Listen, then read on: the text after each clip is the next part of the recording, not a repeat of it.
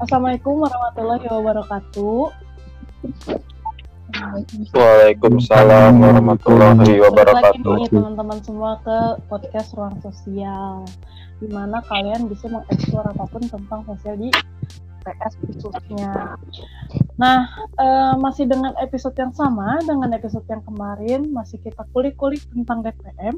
Ini adalah calon-calon DPM. Nah, tamu kali ini ada angkatan dari 2017, ada Kang Adnan sama Kang Dimas, pasti masih ingat banget. Di episode pertama kita ngebahas tentang Kang Adnan dan Kang Dimas. Terus ada yang kedua juga dari angkatan 2019 ada Fitrianti sama Anissa. Gimana nih Kang Adnan sama Kang Dimas eh, sama Teh Fitriani? Gimana masih sehat? Alhamdulillah. Fitrianti Jasmani Oh, rohani mah apa sehat. Aduh, Dompetnya nggak Kang. sehat. Dompet yang dompet yang Cari nggak sehat. lagi dong. Cari lagi dong penghasilannya dong ya kayak kan seperti tema Iya. debat waktu itu kita tetap harus bisa berprestasi walaupun nih masuk ranking kan biasanya kalau prestasi suka dapat ada kan suka ya reward Reward. Oh. nih aku mau nanya dulu deh Fitrianti Iya. angkatan Ya. berapa sih Hah? angkatan berapa sih Fitrianti tuh angkatan 2019 2019 ya keren kenapa 2015 Ih, juga. suka nyasar Hmm. aja. Fitranti kok keren sih 2019 udah bisa ikutan udah mau nyalon. eh Kenapa coba Fitriani? Ini eh, Fitrianti ini kan supaya bisa orang-orang tuh semakin oh iya terbuka pikirannya gitu. Gua 2019 juga bisa maju gitu. Kenapa nih? soalnya kan dari waktu sekolah suka organisasi juga jadi sekarang pengen masuk juga ke organisasi gitu Hmm, jadi pengen memulai organisasi ini di DPM gitu ya, diawali dengan DPM. Nah, Anissa juga ini perkenalan dulu dong dari angkatan berapa? Eh, saya Anissa Mulia Hamida dari angkatan 2019.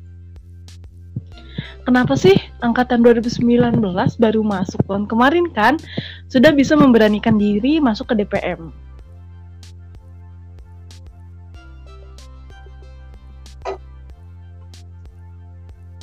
Coba ceritain gitu alasannya kenapa? Alasan dari pribadi teh. Iya dong. Emang ada alasan pendukung dari luar nih? Mungkin karena eh, bisa dilihat dari proker-proker sebelumnya kalau misalnya 2019 juga mampu gitu untuk menduduki DPM. Hmm, oke. Tapi memang Anissa berarti eh, ikutnya atas kemauan sendiri ya, tanpa paksaan dari orang lain kan? Ya. Ya nggak? Iya dong. Ini kan ini kan sebuah prestasi buat 2019 bisa ber- memberanikan diri ini sebuah apresiasi yang sangat eh, keren ya kalau bagi saya sendiri gitu. Karena dulu aja saya waktu awal-awal masuk masih malu-malu. Kalian udah keren banget nih Fitrianti sama Anissa udah bisa masuk. Iya. Benar. Kalau Kang Adnan sama Kang Dimas kenapa sih pengen ikutan DPM kan udah tua, udah mau lulus. Dua semester lagi juga udah beres. Kenapa ya? Coba Kang Adnan bisa nggak dijelasin?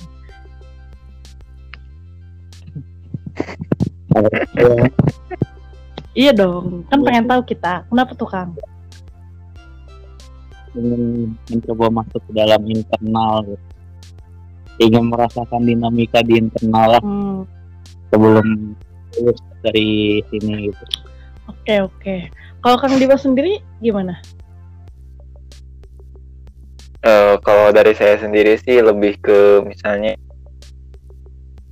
eh ada mungkin ada dorongan dari internal dan juga ada Nah. dorongan dari eksternal. Kalau dari dari internal, kalau dari internal sih internal diri sendiri sama kayak dan kayak kan kemarin juga kalau alhamdulillah kalau saya di BEM dulu gimana nih kalau DPM gitu pengen masuk aja. Terus kalau misalnya dari apa kalau dari eksternal ya eh kenapa nggak nyalon aja maksudnya kayak udah gitu juga kan perwakilan angkatan kan kasihan kalau misalnya nanti angkatan saya sendiri gitu kan nggak terwakilkan. Jadi Kayak mulia sekali ya eh, niatnya adalah untuk mewakilkan nama baik angkatan. Begitu ya Kang ya? Iya. Akang ini dari angkatan berapa? 2017? 2020. Oh, 2017 ya Kang ya. Saya baca di CV-nya tuh angkatan 2017. Jangan memunda-mundakan wajah yang sudah tua dong. Ah, Maaf. kita mah sekarang eh, enjoy aja ya teman-teman.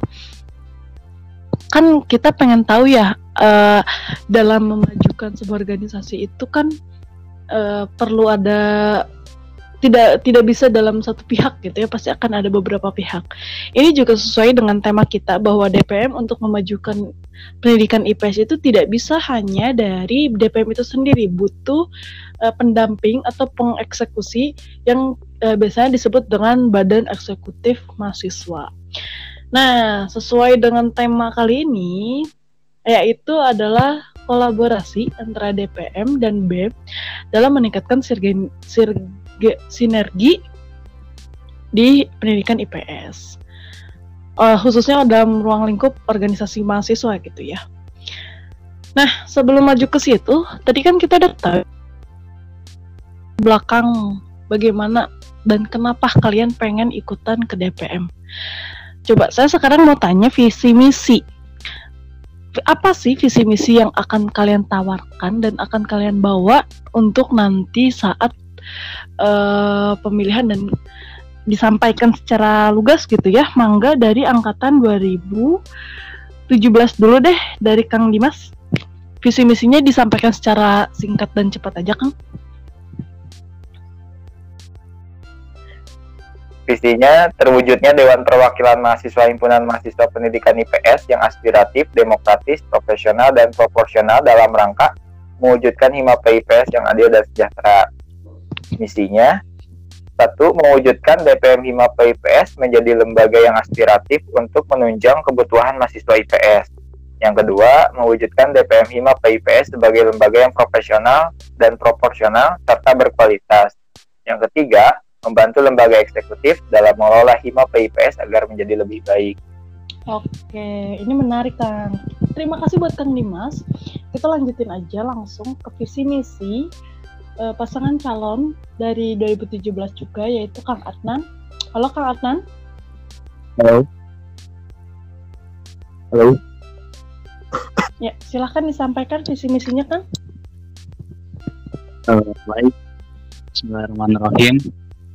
Kalau dari saya sendiri, visinya itu adalah mewujudkan Dewan Perwakilan Mahasiswa Himpunan Mahasiswa Pendidikan UPI yang solutif, demokratis, dan responsif. Nah, misi yang saya bawa kali ini adalah eh, DPM berperan dalam aspirasi mahasiswa pendidikan IPS UPI untuk kemajuan dan mahasiswa pendidikan UPI. Yang kedua, mengendaskan demokratis menentukan kebijakan maka ya, tidak hanya diri sendiri untuk atau dari kita sendiri untuk menentukan kebijakan melainkan semua pihak semua elemen baik itu dosen ataupun mahasiswa dan dalam menemukan solusi yang ketiga mengoptimalkan kerja DPM Hima PIPS mungkin kalau dari saya cukup sekian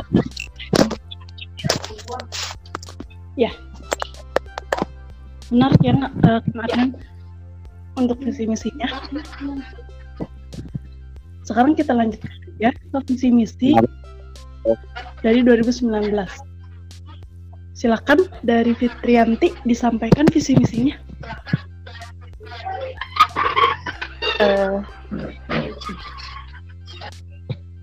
Bismillahirrahmanirrahim. Eh, visi dari saya yaitu membina, mengarahkan, serta mengawasi kinerja dari perjalanan BEM agar program kerja yang dibuat dapat terimplementasikan dan berjalan dengan baik. Vis- eh, misi saya yang pertama melakukan evaluasi secara tegas namun tetap mementingkan asas kekeluargaan. Yang kedua, membangun serap aspirasi yang responsif. Yang ketiga, mendukung potensi-potensi pos- potensi-potensi positif mahasiswa di segala bidang guna menciptakan mahasiswa PIPS yang berprestasi. Oke. Udah.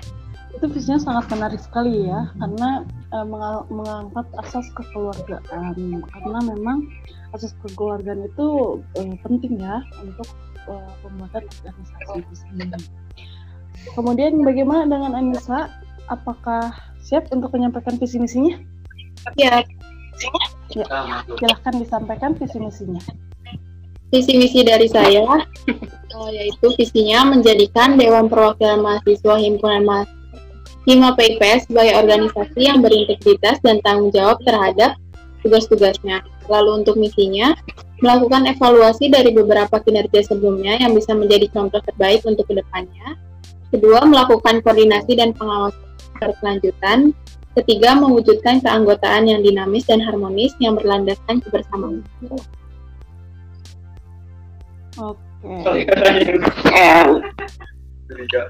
Ini cukup menarik juga ya visi misinya dari ini sangat uh, mementingkan integritas dari himpunan itu sendiri. Oke, ini kita akan membahas mengenai pentingnya kolaborasi. Nah, saya ingin men- ingin mengatakan, saya ingin eh, ingin tahu gitu bagaimana pandangan kalian terhadap DPM dan BEM. Silahkan untuk eh, dijawab terlebih dahulu oleh pasangan calon 2019 yaitu dari Trianti.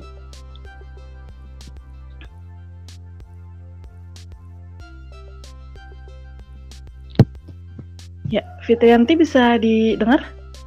Oh, teteh. Ya, mangga dijelaskan tentang pandangan umum kamu terhadap kolaborasi DPM dan BEM. Eh, kolaborasi DPM dengan BEM dalam mewujudkan sinergitas ormawa tingkat probi, prodi.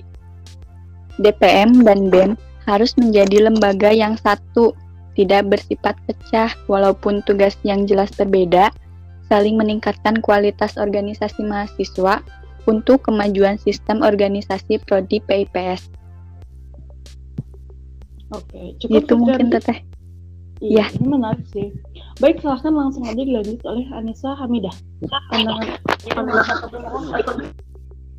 dan BM harus melakukan kerjasama tanpa adanya gap dari eh, satu dengan yang lainnya. Gitu. Oke, cukup Anissa? Cukup. Silakan Kang Adnan untuk dijelaskan bagaimana pandangan umum Akang terhadap eh, kolaborasi antara DPM dan BEM itu sendiri. Baik, kalau dari saya sendiri karena kolaborasi itu berarti kita bekerja sama, namun sesuai dengan proporsinya masing-masing yang berarti ya BM itu bergerak di bidang eksekutif, DPM di bidang legislatif, namun keduanya itu harus saling melengkapi karena eh, kemajuan itu ada karena eh, adanya hal hal yang saling melengkapi. Jadi melengkapinya itu ketika DPM mengawasi kinerja dari BM ataupun DPM memberikan aspirasi dari seluruh mahasiswa ataupun seluruh elemen himpunan mahasiswa pendidikan IPS UPI kepada BM di situlah adanya kemajuan di dalam sebuah organisasi tersebut mungkin dari saya cukup Oke, sekian terima kasih Kang Adnan. Bisa dilanjut oleh Kang Dimas? Silahkan. Boleh, terima kasih Bu Podcaster. Kalau misalnya dari saya untuk tanggapan umum terhadap kolaborasi sendiri, eh, memang diperlukan juga karena apa ya bekerja sendiri itu tidak baik dan bekerja sama itu adalah hal yang lebih baik. Tapi emang sering kali ketika kita menjadi eksekutif ataupun nanti legislatif, sering kali ada perbenturan dalam pelaksanaan program kerja ya seperti kayak eh, kita apa kalau misalnya dari eksekutif eh, kita cuma diawasi aja sama legislatif tetapi seperti ada pressure sendiri ke kita nah pinginnya itu eh, kita rubah statement itu kita jadikan apa ya himpunan mahasiswa PIPS itu ya eh, DPM dan BEM-nya sama kayak tadi teman-teman juga bisa bekerja sama dengan lebih baik, bisa menyatu dengan lebih baik sehingga Hima PIPS itu bisa berguna bagi prodi, UPI dan Nusa Bangsa.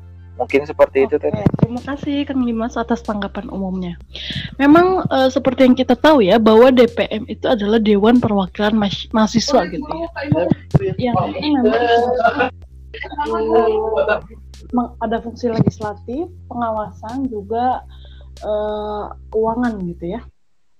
Nah, bagaimana menurut kalian? Seperti yang kita tahu bahwa BEM eh, di himpunan mahasiswa IPS ini kontribusi nyata dari DPM ini kan terbilang eh, sering kalah gitu ya, sering tidak sering, sering tidak ada munculnya gitu karena terkadang lebih dimunculkannya dan lebih eksisnya itu adalah BEM gitu.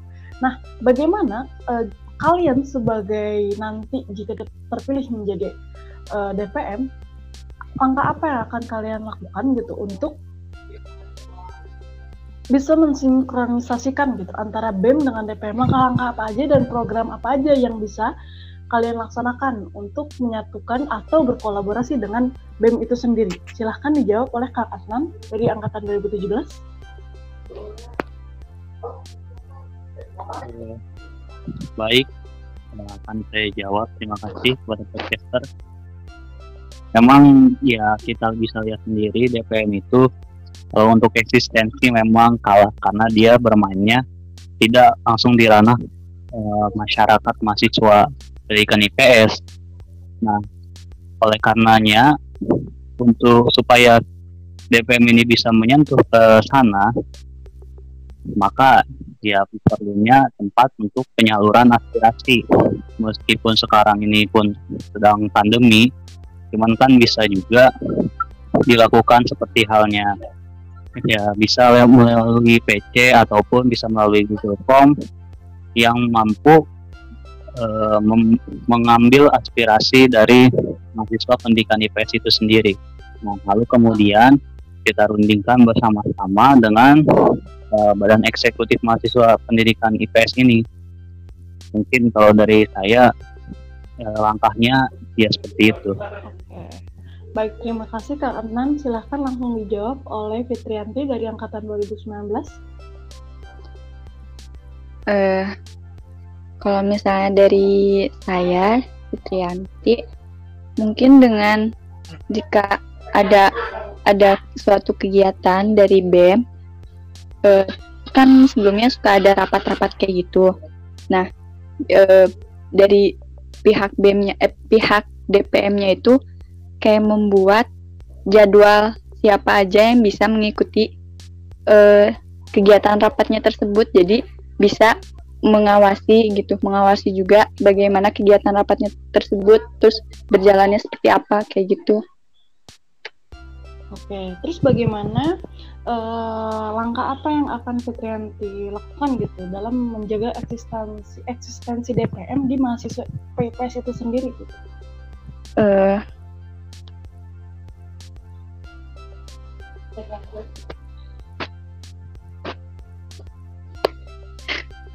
eh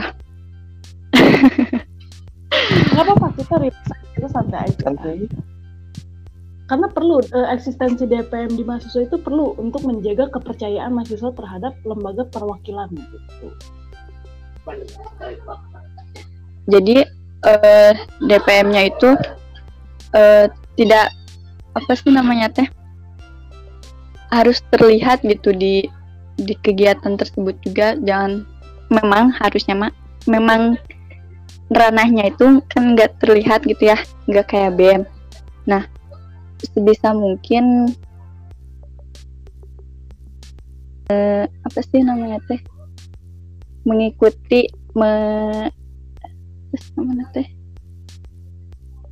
Eh ya ikut gabung gitu sama BEM-nya terus eh bikin aspirasi gitu dari dari DPM-nya Ya, gitu kita tenang aja nggak apa-apa. It's okay, relax aja. Kayaknya nih sangat tegang sepertinya gitu ya. Karena mungkin pertama kali ya Fitrianti ya. Iya. Jadi nggak apa-apa kita kita santai karena ruang podcast sosial ini anaknya asik-asik kok. Kayak aku.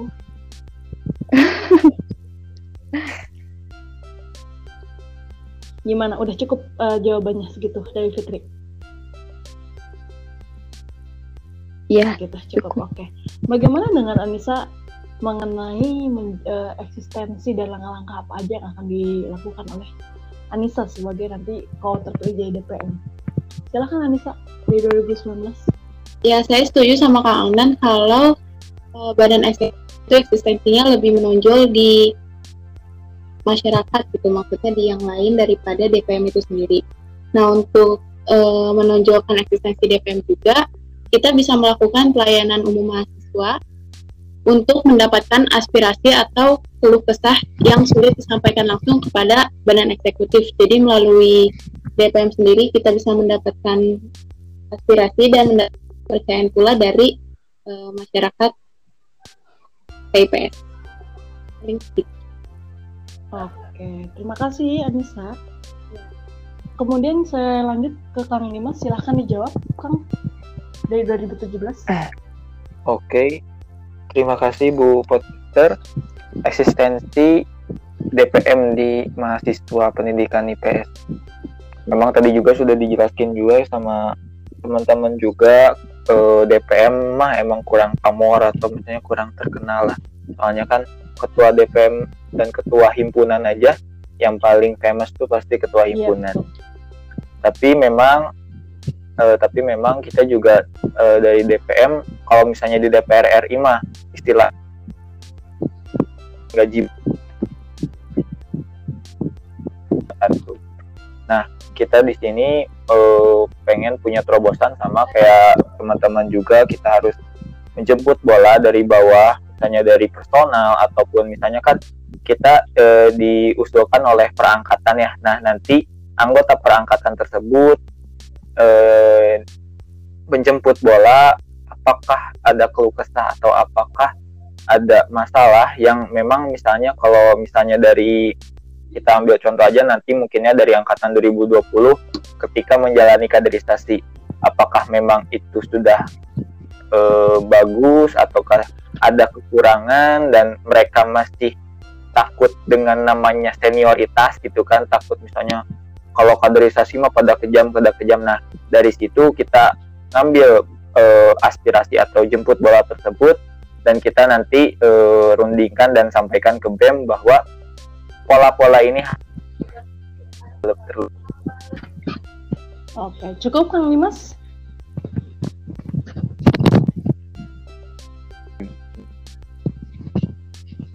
Cukup bu. Cukup bu.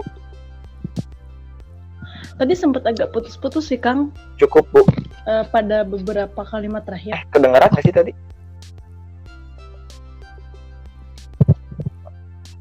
Ya. oh ya mungkin kalau misalnya dari eh, kata-kata terakhir apa ya tadi?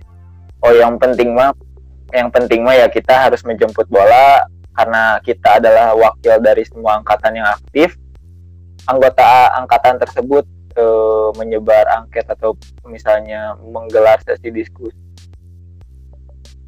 eh, via apa pun dan kita nanti akan sampaikan eksekutif dengan Oke, terima kasih. eh, beberapa catatan juga itu umumnya seperti itu para calon kita ini kawan-kawan memang akan meng- akan berfokus kepada aspirasi gitu ya untuk meningkatkan asistensi serta kolaborasi. Nah, ini pertanyaan terakhir nih dari saya untuk kira-kira kan memang BPM itu perlu ya berkolaborasi bahwa jabatan di antara DPM dan BEM itu sama setara dan tidak bisa saling menjatuhkan gitu ya. Tidak ada mereka hidup eh, saling antara BEM dengan DPM. Nah, bagaimana dan langkah apa yang akan kalian buat, yang akan kalian programkan untuk menjaga hubungan itu antara DPM dan BEM itu harus berkolaborasi dan meningkatkan sinergitas organisasi mahasiswa di pendidikan IPS. Apa yang akan lakukan gitu? Eh, apakah kalian akan berjalan sendiri lalu secara otoriter kepada BEM atau apa yang akan kamu lakukan gitu sebagai nanti kalau terpilih menjadi yang DPM? Silahkan dijawab dari Anissa Hamidah. Uh, untuk langkah-langkah agar tetap kompak BPM dan BEM mungkin dari program kerja saya akan melakukan upgrading motivasi tim.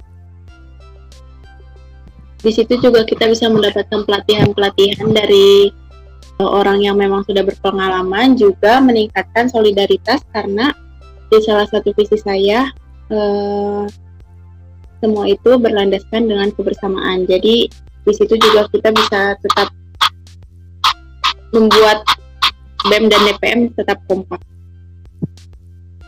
Nah, ya, uh, ini sebagaimana cara kamu untuk selain diskusi dan segala macam gitu ya, uh, bagaimana kamu menjaga hubungan uh, hubungan kebersamaan gitu dengan uh, BEM itu gitu? Bagaimana apakah kalian akan melakukan sebuah program bersama dalam lingkup yang lebih luas atau bagaimana? Karena yang dulu-dulu pun terjadi gitu bahwa kita akan mengungkapkan bahwa sebuah kita adalah kebersamaan segala macam.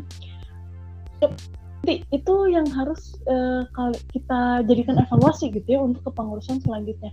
Butuh langkah konkret apa sih uh, eh, DPM dan BEM ini agar tetap berkolaborasi? Silahkan Anissa mungkin pertama-tama dari uh, diri setiap BEM dan DPM itu untuk dihilangkan kayak gap antara karena badan eksekutif dan dewan perwakilan kan biasanya ter, suka ada perbedaan. Nah mungkin harus ditanamkan kalau kita tuh sama dan kalau kita tuh satu. Lalu untuk uh, ke depannya mungkin kalau misalnya setiap ada program kerja dari BEM, uh, eh, DPM diikut sertakan, namun tidak hanya sebagai pengawas tapi juga uh, bekerja bersama-sama gitu. Oke, cukup Anissa? Ya, silahkan dilanjut jawab oleh Kang Dimas. Ini menarik pertanyaannya nih, Kang. Oh.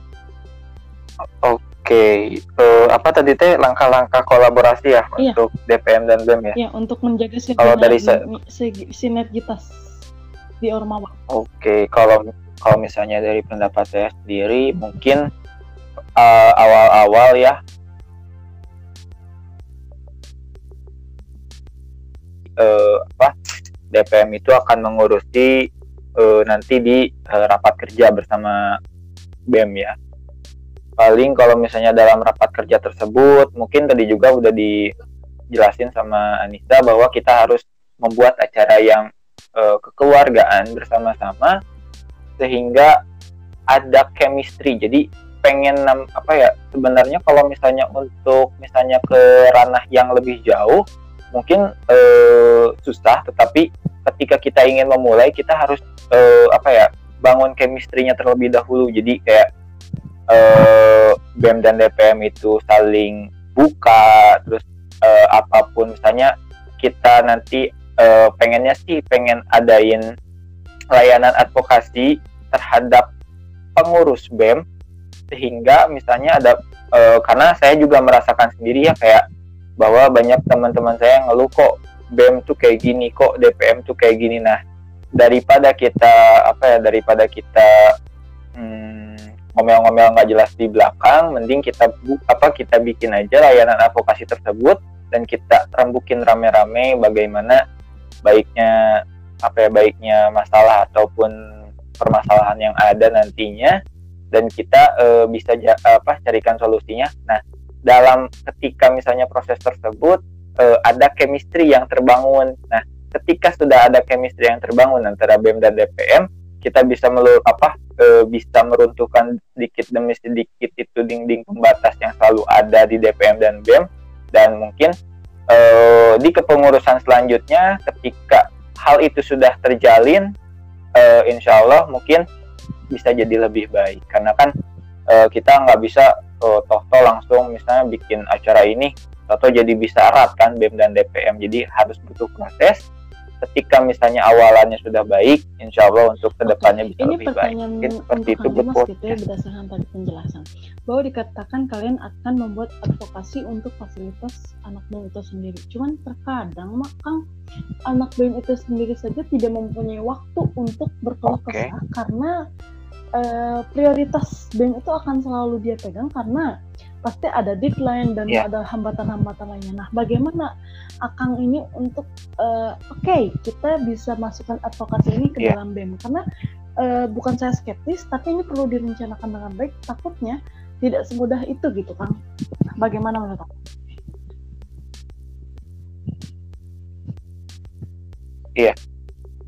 Kalau untuk dari saya sendiri kenapa tadi mengusulkan bahwa ingin adanya layanan advokasi untuk pengurus juga? Karena memang eh, memang ya kalau misalnya untuk proker-proker mungkin eh, apa ya?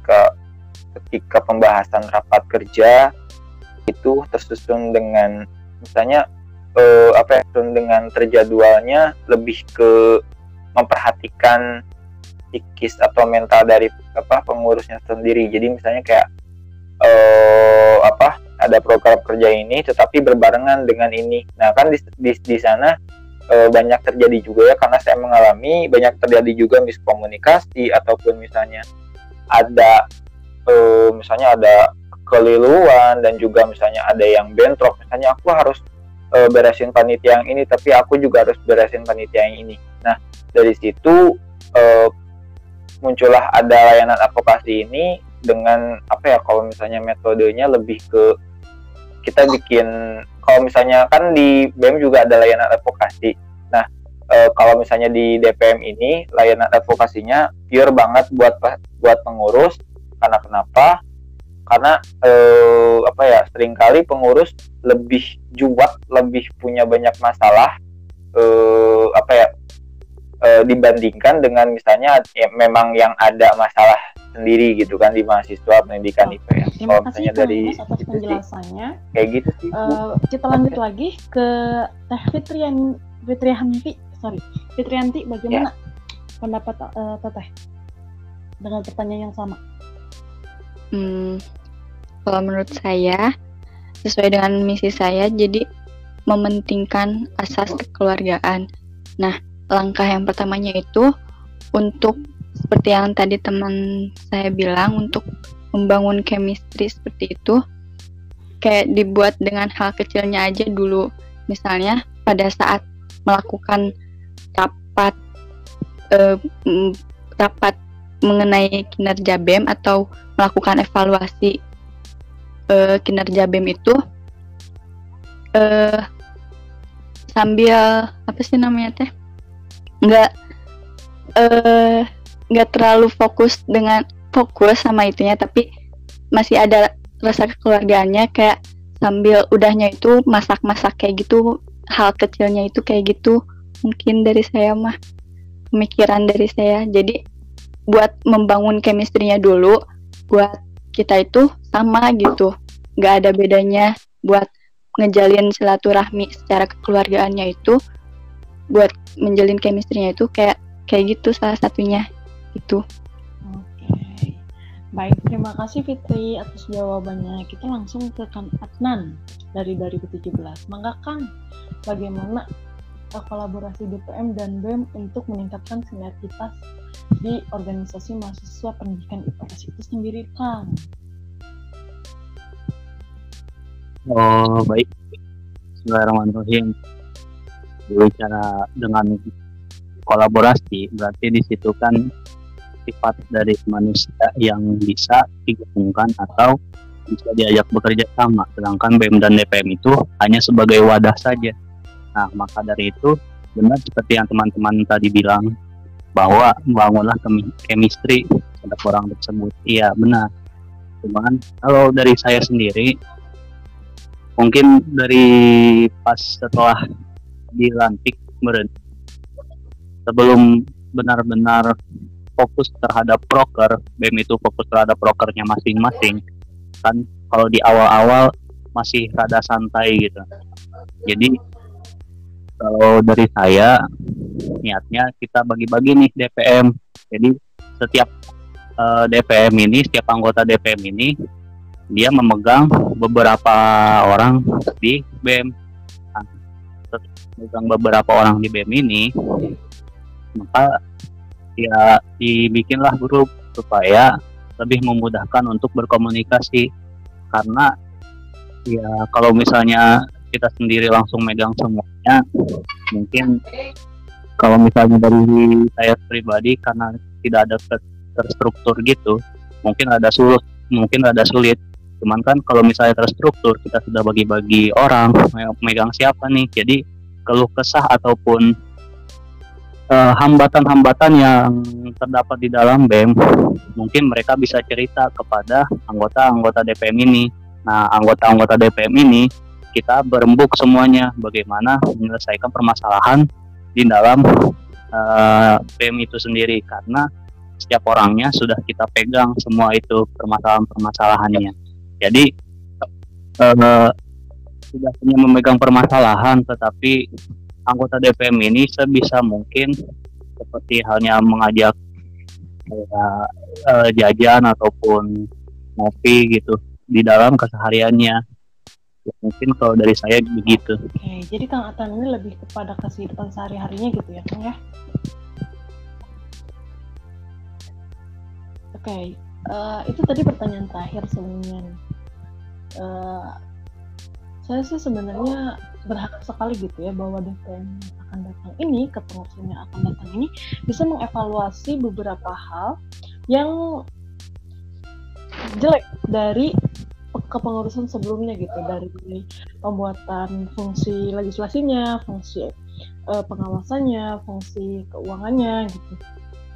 Nah, pada akhir segmen ini saya pengen mendengarkan closing statement dari setiap pasangan calon mengenai kenapa pendidikan mahasiswa pendidikan IPS itu harus memilih kalian dan kenapa harus percaya sama uh, kemampuan kalian dalam mengelola organisasi. Silahkan dari Fitrianti angkatan 2019. Hmm, kalau dari saya sendiri, uh, insya Allah dan visi misi dan program kerja saya secara baik dan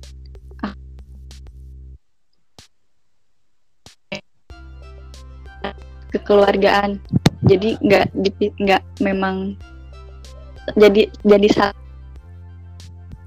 benar-benar kekeluargaan jadi tidak terlihat terpisah orang oleh yang lainnya itu Oke, terima kasih Fitri. Oke, selanjutnya closing statement dari angkatan 2019, Aniha, Anissa Hamidah. Uh, karena saya yakin kalau saya mampu untuk memperbaiki kesalahan pada DPM sebelumnya dan uh, membuat BEM dan DPM dapat berkolaborasi dengan baik. Terima kasih. Silakan kepada Kang Adnan. Kalau dari saya sendiri, lagi sama. Karena masih ada calon yang baik dari saya, maka pilihlah itu yang lebih baik. Dan selanjutnya, kalau misalnya saya terpilih saya akan menggelar di DPM Hima PPS ini fungsi dan perannya sewajarnya atau sesuai dengan apa yang sudah teratur dan tidak akan memihak kepada siapa pun dan tidak akan ada kepentingan apa pun di dalam Oke, menjaga netralitas dari DPM itu sendiri ya, Kang ya? independen independensi. Silakan Kang Dimas terakhir closing statementnya bagaimana? Oh, Oke, okay, uh, eh, mungkin sama ya seperti episode 1 juga uh, apa ya? Uh, ketika saya uh, insya Allah untuk misalnya di apa ya, dipilih oleh teman-teman, uh, insya Allah saya siap untuk menjalankan apa pun visi dan misi yang saya tadi tawarkan dan juga nanti apa pun masukan, apa pun keluh kesah, apa pun aspirasi yang masuk, insya Allah eh, saya akan tampung dan juga saya akan berikan eh, solusi yang terbaik karena eh, apa ya? Karena memang eh, susah sih kayak kita eh, apa mahasiswa siswa yang lain jadi kita harus bermusyawarah atau kita harus berdiskusi untuk mencari langkah yang terbaik dan kalau misalnya yang lain eh, sama eh, kayak teman-teman yang Oke, tadi alhamdulillah. mungkin itu Hari ini kita udah beres eh, membahas tentang temanya adalah kolaborasi antara DPM dengan BEM dalam meningkatkan sinergitas di Ormawa Pendidikan IPS UPI. Nah, itu tadi adalah beberapa pesan, beberapa penyampaian-penyampaian program dari calon-calon kita nih dari calon-calon DPM mengenai pro- eh, program untuk kolaborasi DPM dan BEM. Semoga apa yang disampaikan oleh Akang Tete ini adalah akan benar-benar terjadi, akan membuat perubahan yang sangat baik bagi DPM maupun Ormawa yang ada di pendidikan IPS. Oke, Eh, saya ucapkan terima kasih kepada para pasangan calon yang sudah menyempatkan waktunya untuk berdiskusi dengan saya pada hari ini untuk men- untuk memberikan pendapat-pendapat dan pandangan-pandangan. Semoga pernyataan yang tadi disampaikan bisa menjawab semua pertanyaan dari mahasiswa pendidikan IPS. Gitu. Terima kasih Akang Teteh untuk eh, waktu yang disempatkannya bisa hadir kali ini. Semoga Iya betul.